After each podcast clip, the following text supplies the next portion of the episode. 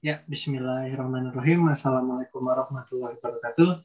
Teman-teman, balik lagi di podcast Bersatu Sikat. Kali ini kita akan ngobrol sama teman yang bergerak di bidang konstruksi. Tapi jadi apakah dia? Nanti kita ngobrolin, kita tanya-tanya, dan sekarang saatnya untuk Dunga memperkenalkan dirinya. Silakan. Om, kenalan Om. Ya, Malam Kang Uji, lama udah nggak ketemu udah berapa puluh tahun kali ya. Ada kali 10 tahun ya Kang. Ya. ya. Ya. Kayak yang Kang Uji tahu ya saya ini nama gue Dunga. Nama lengkapnya ya Dunga Yustif Pembrika. Ya perkenalannya mungkin umur nggak beda jauh kali ya Kang ya. Masa sih? Selisih berapa? Gak tahu juga saya. Tapi yang pasti Dunga lebih tua lah ya. Saya sekarang tinggal di Jakarta. Tampangnya yang lebih tua, Kang. Boros. Jakarta nih ya. Ini posisi stay di Jakarta aja nih. Ya, di Jakarta. Di sini masih ngekos Kang di sini masih belum bisa ngeboyong keluarga. Sekarang udah nikah, istri di Surabaya, anak udah dua, cowok cewek semua. Hmm. Yang satu udah masuk TK, yang satu masih satu tahun setengah lah, udah bisa jalan lagi lucu-lucunya itu. ya, kalau masalah percintaan mungkin saya membosankan lah ya. Karena bukan tipe romance, lebih ke apa ya? Lebih ke ya menjalani hidup apa adanya lah kan. Asik. Kata orang Jawa itu urip mung mampir ngombe. Jadi apa hidup itu, itu cuma hmm. mampir untuk minum aja. Hmm. Mm-mm. Jadi ya hanya singkatlah kita mampir di dunia ini. Pada akhirnya kan kita juga akan kembali ke tanah dalam arti ya meninggalkan apa yang kita punya selama yang ada di dunia tinggal nama kalau gajah mati meninggalkan gading. Manusia mati meninggalkan nama gitu kan ya. I see. Menarik nih. Kita baru perkenalan, pembukaan. Sudah ada ujangan-ujangan dari kakek buyut nih. Dari Dungan. aduh, aduh. Boleh cerita dulu nggak? Berarti sekarang itu kerja di bidang apa gitu di di bagian apa jadi kan saya udah okay. user ya di konstruksi ini mm-hmm. apakah hubungan sebagai di engineer atau sebagai apa gitu mungkin bisa diceritain mm-hmm. oke okay. jadi kalau sekarang memang saya itu di bagian marketingnya. Marketing itu pemasaran. Pemasaran dari konstruksi, perusahaan konstruksi, di mana perusahaan konstruksinya itu bukan swasta, tapi ada share dari pemerintah. Ya, kalau bisa dibilang share pemerintahnya 66%, kalau private-nya ada 33 persen, kurang lebih seperti itu, Kang. Tapi untuk sampai ke sini, saya itu udah dari tahun 2014. Kebetulan 2014 itu ada lowongan di Job Street. Terus saya sebenarnya sih iseng-iseng ikut kali ya bahasanya. Iseng-iseng ikut karena disuruh sama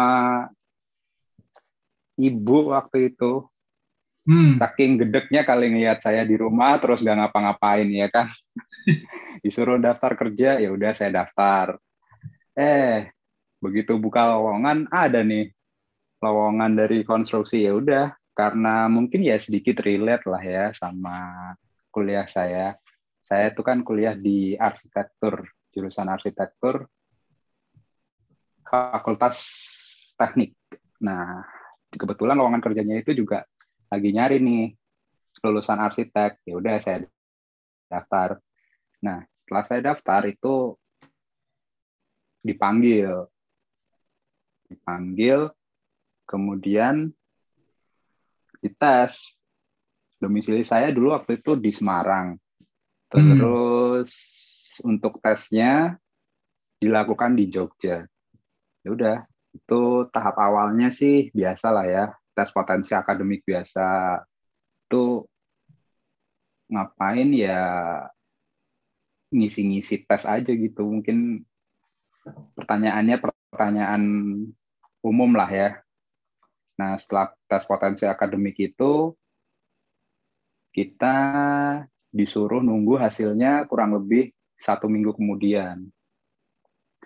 Nah setelah itu kebetulan kan adik juga saya punya adik dua, yang satu cowok, yang satu cewek. Waktu itu adik saya itu masih kuliah di Jogja. Udah, waktu tes di Jogja ya saya nebeng di kosannya dia satu minggu nungguin hasil nebeng di kosannya dia habis itu tes lagi tuh setelah tes potensi akademik lolos saya tes kemampuan bahasa Inggris waktu itu setelah tes kemampuan bahasa Inggris ada wawancara user sama fokus group discussion ya singkat cerita semua tes itu saya lolos. Setelah itu dipanggil ke wawancara direksi.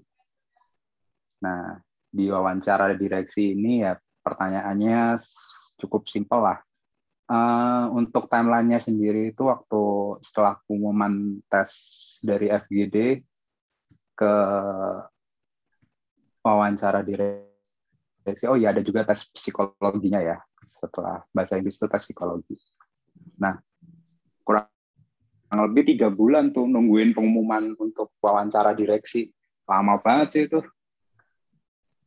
Nah kebetulan hmm. nah ini HRD yang baik nih ya dari suatu perusahaan, dia itu ngumumin jadwal untuk wawancara direksi dua hari sebelum wawancara. Jadi saya punya spare waktu untuk mempersiapkan apa yang perlu saya siapin gitu kan. Nah kebetulan posisi saya kan di Semarang. Hmm.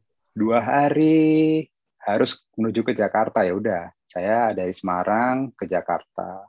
Nah kebetulan di Jakarta itu dulu ayah saya itu kerja di Jakarta, jadi enak lagi itu saya dapatnya. Semuanya dilancarin nih. Ya akhirnya ya udah Jakarta nebeng di tempat bokap waktu itu. Ya udah. Untungnya sama bokap ya udah disiapin gitu aja kan semuanya. Waktu itu ya baju pakai punya bokap, celana, sepatu. Jadi nggak usah beli-beli lagi gitu. Jadi tampilannya kayak tampilan bapak-bapak lah, udah siap kerja mungkin ya.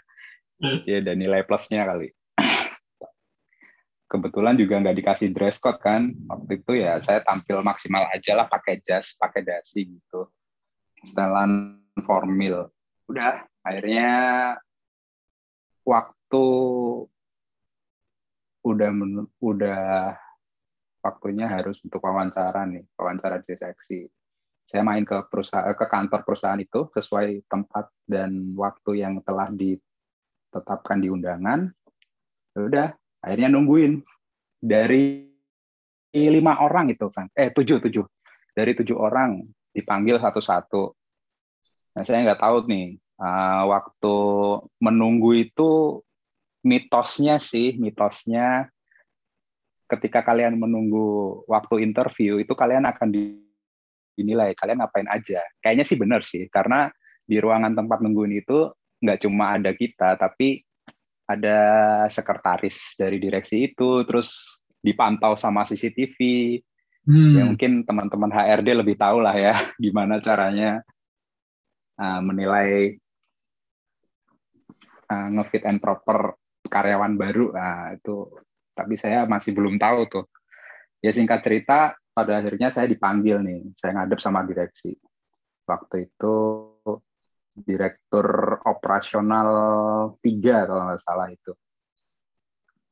Dari situ yang paling saya ingat ketika wawancara direksi itu, si direksi ini dia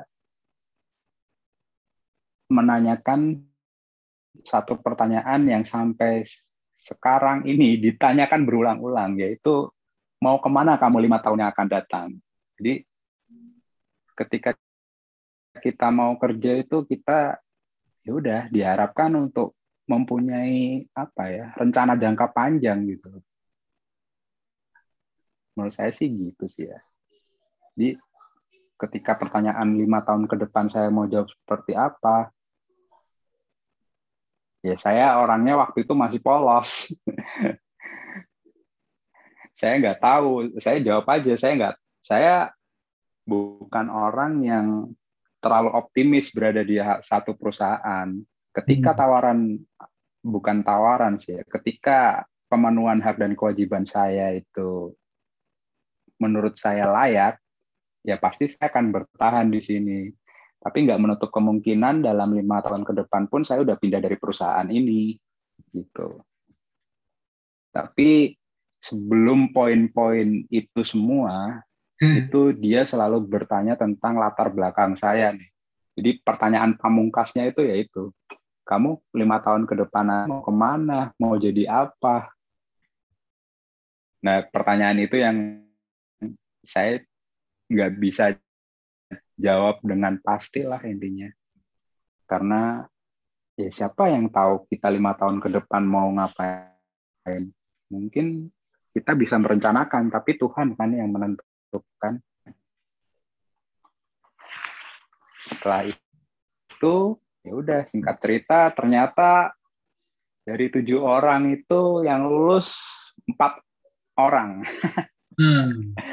hampir 50% kesaring jadi empat orang saya dan ketiga teman saya yang kebetulan itu juga ngobrol-ngobrol juga udah akhirnya ya kita berempat ketemulah di forum forum selanjutnya. Nah, forum selanjutnya dari keempat orang ini ya udah kita cerita-cerita aja ngapain kemarin ditanyain apa aja biasalah kepo anak-anak magang eh anak-anak magang anak-anak baru keterima kerja ya kan udah hmm. cerita-cerita singkat cerita sih ya udah kita akhirnya seneng lah ya terus ada briefing gitu Ya mungkin uh, karena ini jalur manajemen trainee, jadi acaranya cukup padat juga sih ya. Nah, ketika semuanya udah dilalui ini, sampailah kita ke masuk ke hari kerja pertama nih. Hari kerja pertama waktu itu saya ingat banget uh, kita pertama itu di kantor divisi.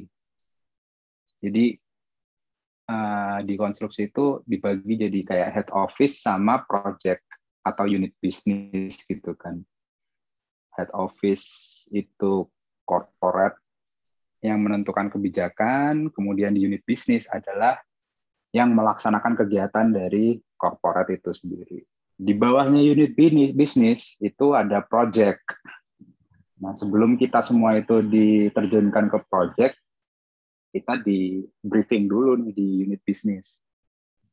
Waktu itu perkenalan bagian-bagian atau departemen-departemen yang ada di unit bisnis lah biasa. Jadi memang ada yang bagian nyari tender, kemudian ada yang ngitung tender, kemudian ada yang memonitor proses produksi, terus ada human capitalnya juga, kemudian ada bagian finance yang ngitung-ngitung keuangan segala macam. Ada juga bagian QHSE kalau di konstruksi itu. Karena memang perusahaan saya itu kontraktor kelas besar B2 itu udah paling besar lah kelasnya untuk kelas konstruksinya. Ya udah. Akhirnya kita di briefing di unit bisnis itu kurang lebih selama satu bulan untuk akhirnya kita dinilai siap untuk masuk ke project. Nah, project pertama saya itu di Jakarta, tepatnya di epicentrum. Nah, di waktu awal masuk itu ya udah kayak orang nggak tahu apa-apa lah ya. Kita ngikutin arahan aja dari atasan, mau gimana, mau gimana. Ya akhirnya jadi anak lapangan banget waktu itu. Udah pakai helm, pakai rompi, panas-panasan, capek, lembur tiap hari. Wah, ya itu namanya proses lah ya. Udah kayak gitu. Tapi puas gitu kalau kita menikmati proses gitu kan. Ya awalnya yang kayak wah berat banget nih selama project ini harus tiap hari masuk lembur karena dipacu sama schedule yang begitu ketat. Kebetulan proyek pertama saya itu juga proyek percepatan crash program dengan biaya yang sangat minim. ya udah, akhirnya ya istilahnya sekarang tuh kerja keras sebagai kuda lah. Sakdo kare. Nah, tapi begitu proyeknya jadi selesai itu lihat wah puas nih kebanggaan gue nih wah gue ternyata bisa berpartisipasi dalam suatu proses pembangunan yang menghasilkan karya seperti ini. Gitu. Dengar, dengar. Boleh. Saya, ya. Sorry, moto. Boleh cerita Tadi menarik banget yang ini dulu. Yang saya takut lupa nih tadi. Uh, jadi pengen nanyain. Yang waktu di ruangan itu yang Dunga bilang di ruangan itu Dunga sudah dinilai itu. Gitu. Nah, waktu itu apa yang Dunga lakukan ya? Karena tadi menarik nih pas tadi Dunga bilang oh. bahwa semuanya proses sih. Nah, ini jadi keingetan lagi yang tadi Dunga cerita bahwa waktu itu kan Dunga juga berproses ya sebelum interview itu. Dunga kan hmm. ada di satu ruangan ya. Nah, belum keceritain tuh. Dunga ngapain di sana, terus juga uh, melihat enam teman lain kayak gimana, dan juga yang lolos tuh yang kayak gimana. Nah, oke. Okay. Jadi kebetulan nih, kebetulan banget, kebetulan banget. Saya bertujuh. Dua orang telat. Hmm. Kemudian ada dua orang lagi yang saya tuh ketemu waktu di di Jogja. Jadi kita sama-sama batch Jogja gitu kan. Nah, yang kebetulannya lagi satu orang itu satu grup discussion sama saya. Nah, waktu fokus grup discussion itu itu terbagi menjadi satu kelompok lima orang. Kita waktu itu nge-brainstorming ada suatu cerita, kemudian kita nge-brainstorming gimana caranya bahwa biar orang itu selamat gitu kan. Saya kurang tahu pastinya ceritanya. Nah, si orang yang lolos sampai wawancara direksi, dia salah satu yang bisa um, apa ya me mengajak atau merangkul lima orang partisipan lainnya untuk mendukung opini dia gitu loh.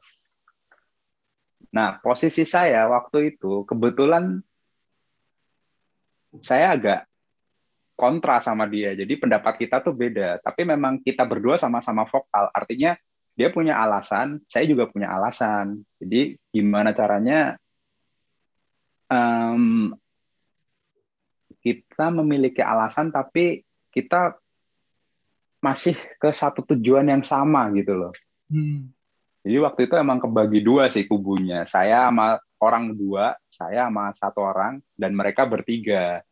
Nah, yang vokal itu kebetulan ya saya sama yang satunya lagi. Tapi karena saya ngelihat wah dukungan dia agak banyak nih ya udah saya agak nggak terlalu ngeforce mereka untuk ikut ke jalannya kita gitu. Nah kebet jadi dari dua kubu itu kebagi dua orang. Nah kita berdua nih ketemu ketemu waktu di ruang tunggu direksi ya udah kita cerita cerita aja wah gila lu parah lu waktu kemarin gini gini gini ya dia cerita juga ah ya namanya tes bro. Kalau misalnya gue nggak kayak gitu gue mungkin nggak nggak nggak bisa lulus sampai sekarang. Ya udah sih akhirnya kita cair aja ngobrol. Terus sama teman-teman yang lain kebetulan waktu itu yang dua orang belum datang kan.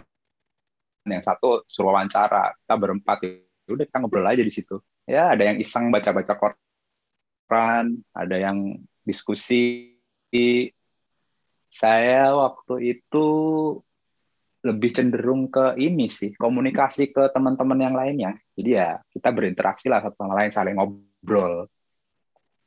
Nah singkat cerita ya udah akhirnya yang dua ini udah datang juga kan yang telat. Jadi kita bertujuh ya kayak gitulah intinya. Ada yang asik sendiri ada yang ngobrol ada yang wawancara tentunya lah ya nah dari tujuh itu yang lulus kan empat. Hmm. Yang empat ini saya, teman saya yang ikut FGD kemarin itu, hmm. kemudian ada lagi dua orang nih, dua orang, satu uh, orang ITS, eh, nyebut merek nih, orang apa? Orang Surabaya, yang satunya lagi itu orang mana? UGM, Jogja. Kalau saya, saya dari Undip ya. Saya Undip dan satunya lagi yang teman saya itu dia anak UGM kalau nggak salah ya. Anak UGM ya. Jadi UGM-nya dua, ITS-nya satu, Undipnya satu. Nah, sayangnya, sayangnya nih, teman saya, teman yang dari dulu ikut FGD bareng saya, dia itu ternyata resign, resign hmm sebelum masuk project. Alasannya sih bagus sih, memang ada peluang di tempat lain yang lebih menjanjikan. yang satu di energi, yang satu di konstruksi, dia lebih milih ke yang energi gitu. I see. Jadi, uh, nah lanjut lanjut. Ya, kalau saya sih, hmm. uh, kalau yang kalau saya sih ya sedapatnya aja. Kalau yang dapat ini ya udah ditekuni sampai selesai. Kalau saya sih mikirnya gitu ya. Mungkin orang lain yang punya bargain position lebih tinggi dia bakalan nyari posisi yang menurut dia lebih nyaman untuk dia. Tapi ya kalau kita punya kemampuan lebih, kenapa nggak coba yang lebih gitu kan? Worth it aja sih. Mungkin saya waktu dulu nggak sempat mikir kayak gitu. Jadi ya enjoy aja lah. Maklum nih apa berasa hidupnya nyaman terus. Bismillah lah semoga lancar terus. Pembelajaran apa yang paling penting nih selama meniti karir ya? Apa yang Dunga rasain gitu? Apa yang meniti paling karir. Ya kalau sekarang sih saya lagi tahapannya ini kan. Semuanya itu ya nggak ada yang sia-sia lah. Artinya perjuangan kita itu pasti membuahkan hasil. Berproses itu lama banget lah ya. Dari saya yang seorang yang idealis dulu tuh idealis. Sampai milih cewek aja milih milih-milih banget gitu loh. Ganteng kagak milih-milih ya gitu kan. Ya sampai kayak gitulah.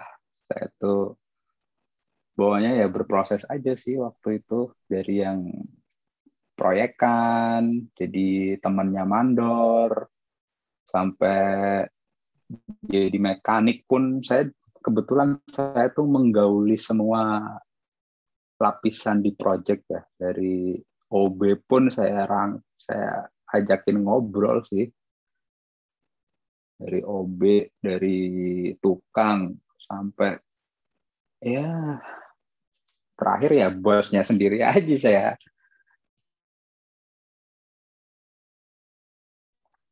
tuh apa yang apa yang Dunga dapat dengan dengan seperti itu ya maksudnya jadi kan dengan seperti akhirnya ya. terbuka gitu ya bisa ngobrol dengan siapa ya. mungkin satu hal idealis dalam hal memilih satu dua hal lah gitu. Tapi tapi juga kan Dunga akhirnya uh, terbuka gitu dalam bergaul ya dalam berteman gitu. Itu apa sih yang Dunga bisa dapat? hmm, dia mungkin empati kali ya Kang. ya. Jadi bagaimana kita merasakan kegelisahan orang lain. Mungkin seperti itu. Karena setiap manusia menurut saya dia punya apa ya? Punya latar belakang yang berbeda lah ya. Saya kebetulan latar belakang saya ya bisa dibilang berkecukupan. Tapi nggak semua orang itu seperti saya gitu loh. Jadi kayak dulu itu main sama ya mekanik gitu-gitu. Mereka lulus tamat SMA aja udah syukur lah gitu. Dia nggak bisa mengenyam pendidikan lebih, tapi mereka punya apa ya? Punya sesuatu yang mereka perjuangkan gitu loh. Entah keluarga yang ada di rumah, entah itu diri mereka sendiri, entah itu siapa pun lah, pasti ada di kehidupan ini kita naluri sih ya, naluri manusia itu menurut saya ada yang diperjuangkan gitu loh. Kalau saya sendiri ya memperjuangkan keluarga saya sekarang mungkin udah cukup. Karena ya gimana ya? Mau makan apa besok gitu kan harus berusaha juga. Tapi yang paling penting itu apa ya?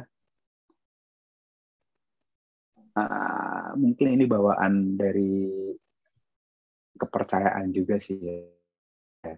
Kalau ya bermanfaat lah. Yang penting kita berusaha untuk bermanfaat bagi orang-orang yang ada di sekitar kita gitu aja sih. I see. Dung, Itu aja Kang. Ah, apa namanya? Hmm. Uh, kalau mengukur ya, oh ini udah di penghujung ternyata. Uh, tapi mau ada dua pertanyaan.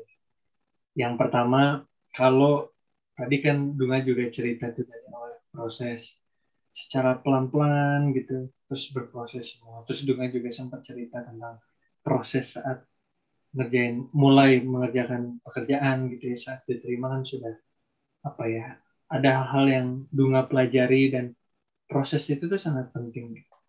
Nah kalau Dunga mengukur ke belakangnya yang tadi gitu kayak tadi mulai dari proses rekrutmen yang Dunga jalanin terus sampai di proyek sebagai MT terus juga akhirnya sekarang sudah jadi marketing gitu di tempat Dunga bekerja, apa sih yang paling ngena banget dan menurut Dunga itu tuh penting tuh dalam uh, proses tadi tuh apa yang apa yang menurut Dunga hal itu yang menjadi yang utama gitu. Itu yang pertama. Sama yang kedua, ada nggak wejangan dari siapa entah itu untuk di karir atau di kehidupan Dunga yang nancep banget di kepala dan itu Dunga pegang selalu sampai hari ini itu pegangannya gitu.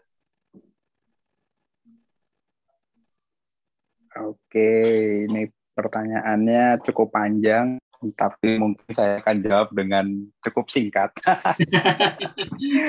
Untuk yang pertama, untuk hal pertama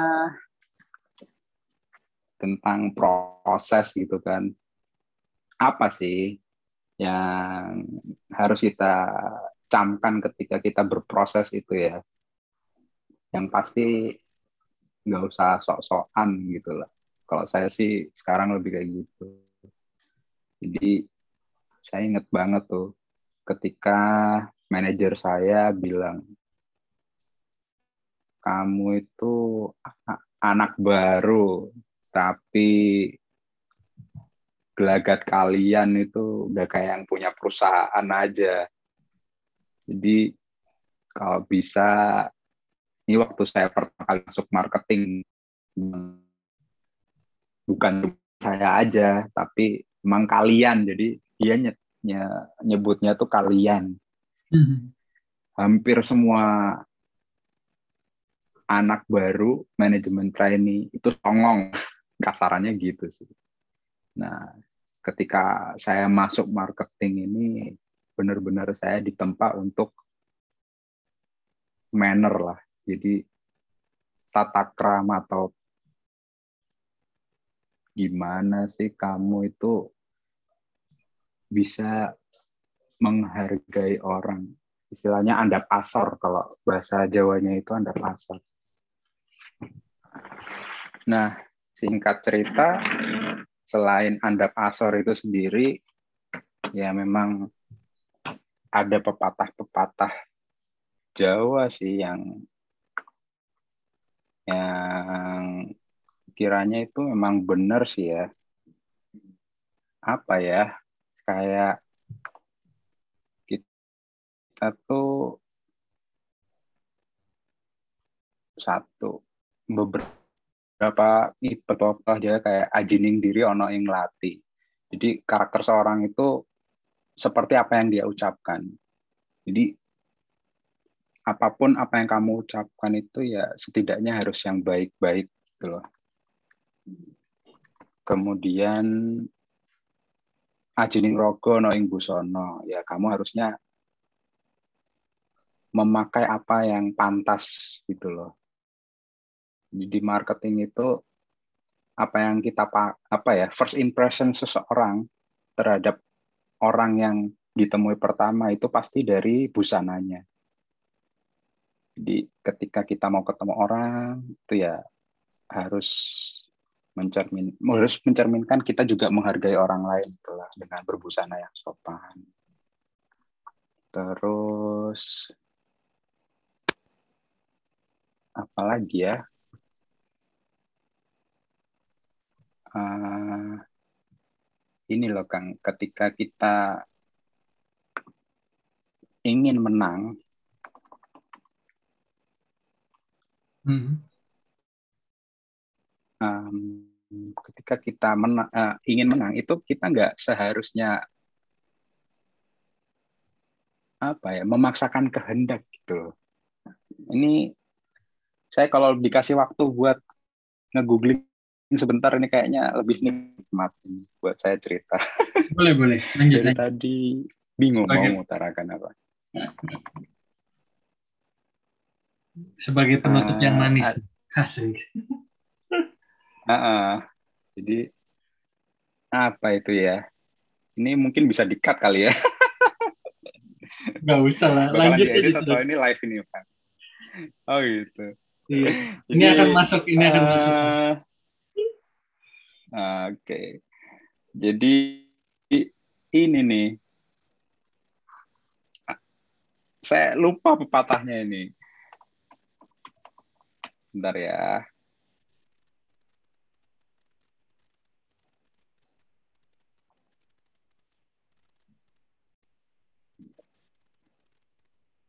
Tapi intinya menikmati proses ya dong. Selama ini tuh intinya menikmati proses, betul. Karena kalau menikmati proses dan apa ya rendah dirilah kamu lah nggak usah ya mungkin saya dari apa ya dari ya mahasiswa punya IPK yang tinggi tahu-tahu masuk ke kantor disuruh gaul sama tukang apa segala macam kan gila. Gua gitu loh gua tuh mahasiswa ini wah anak ini lagi anak ini yang punya prestasi segut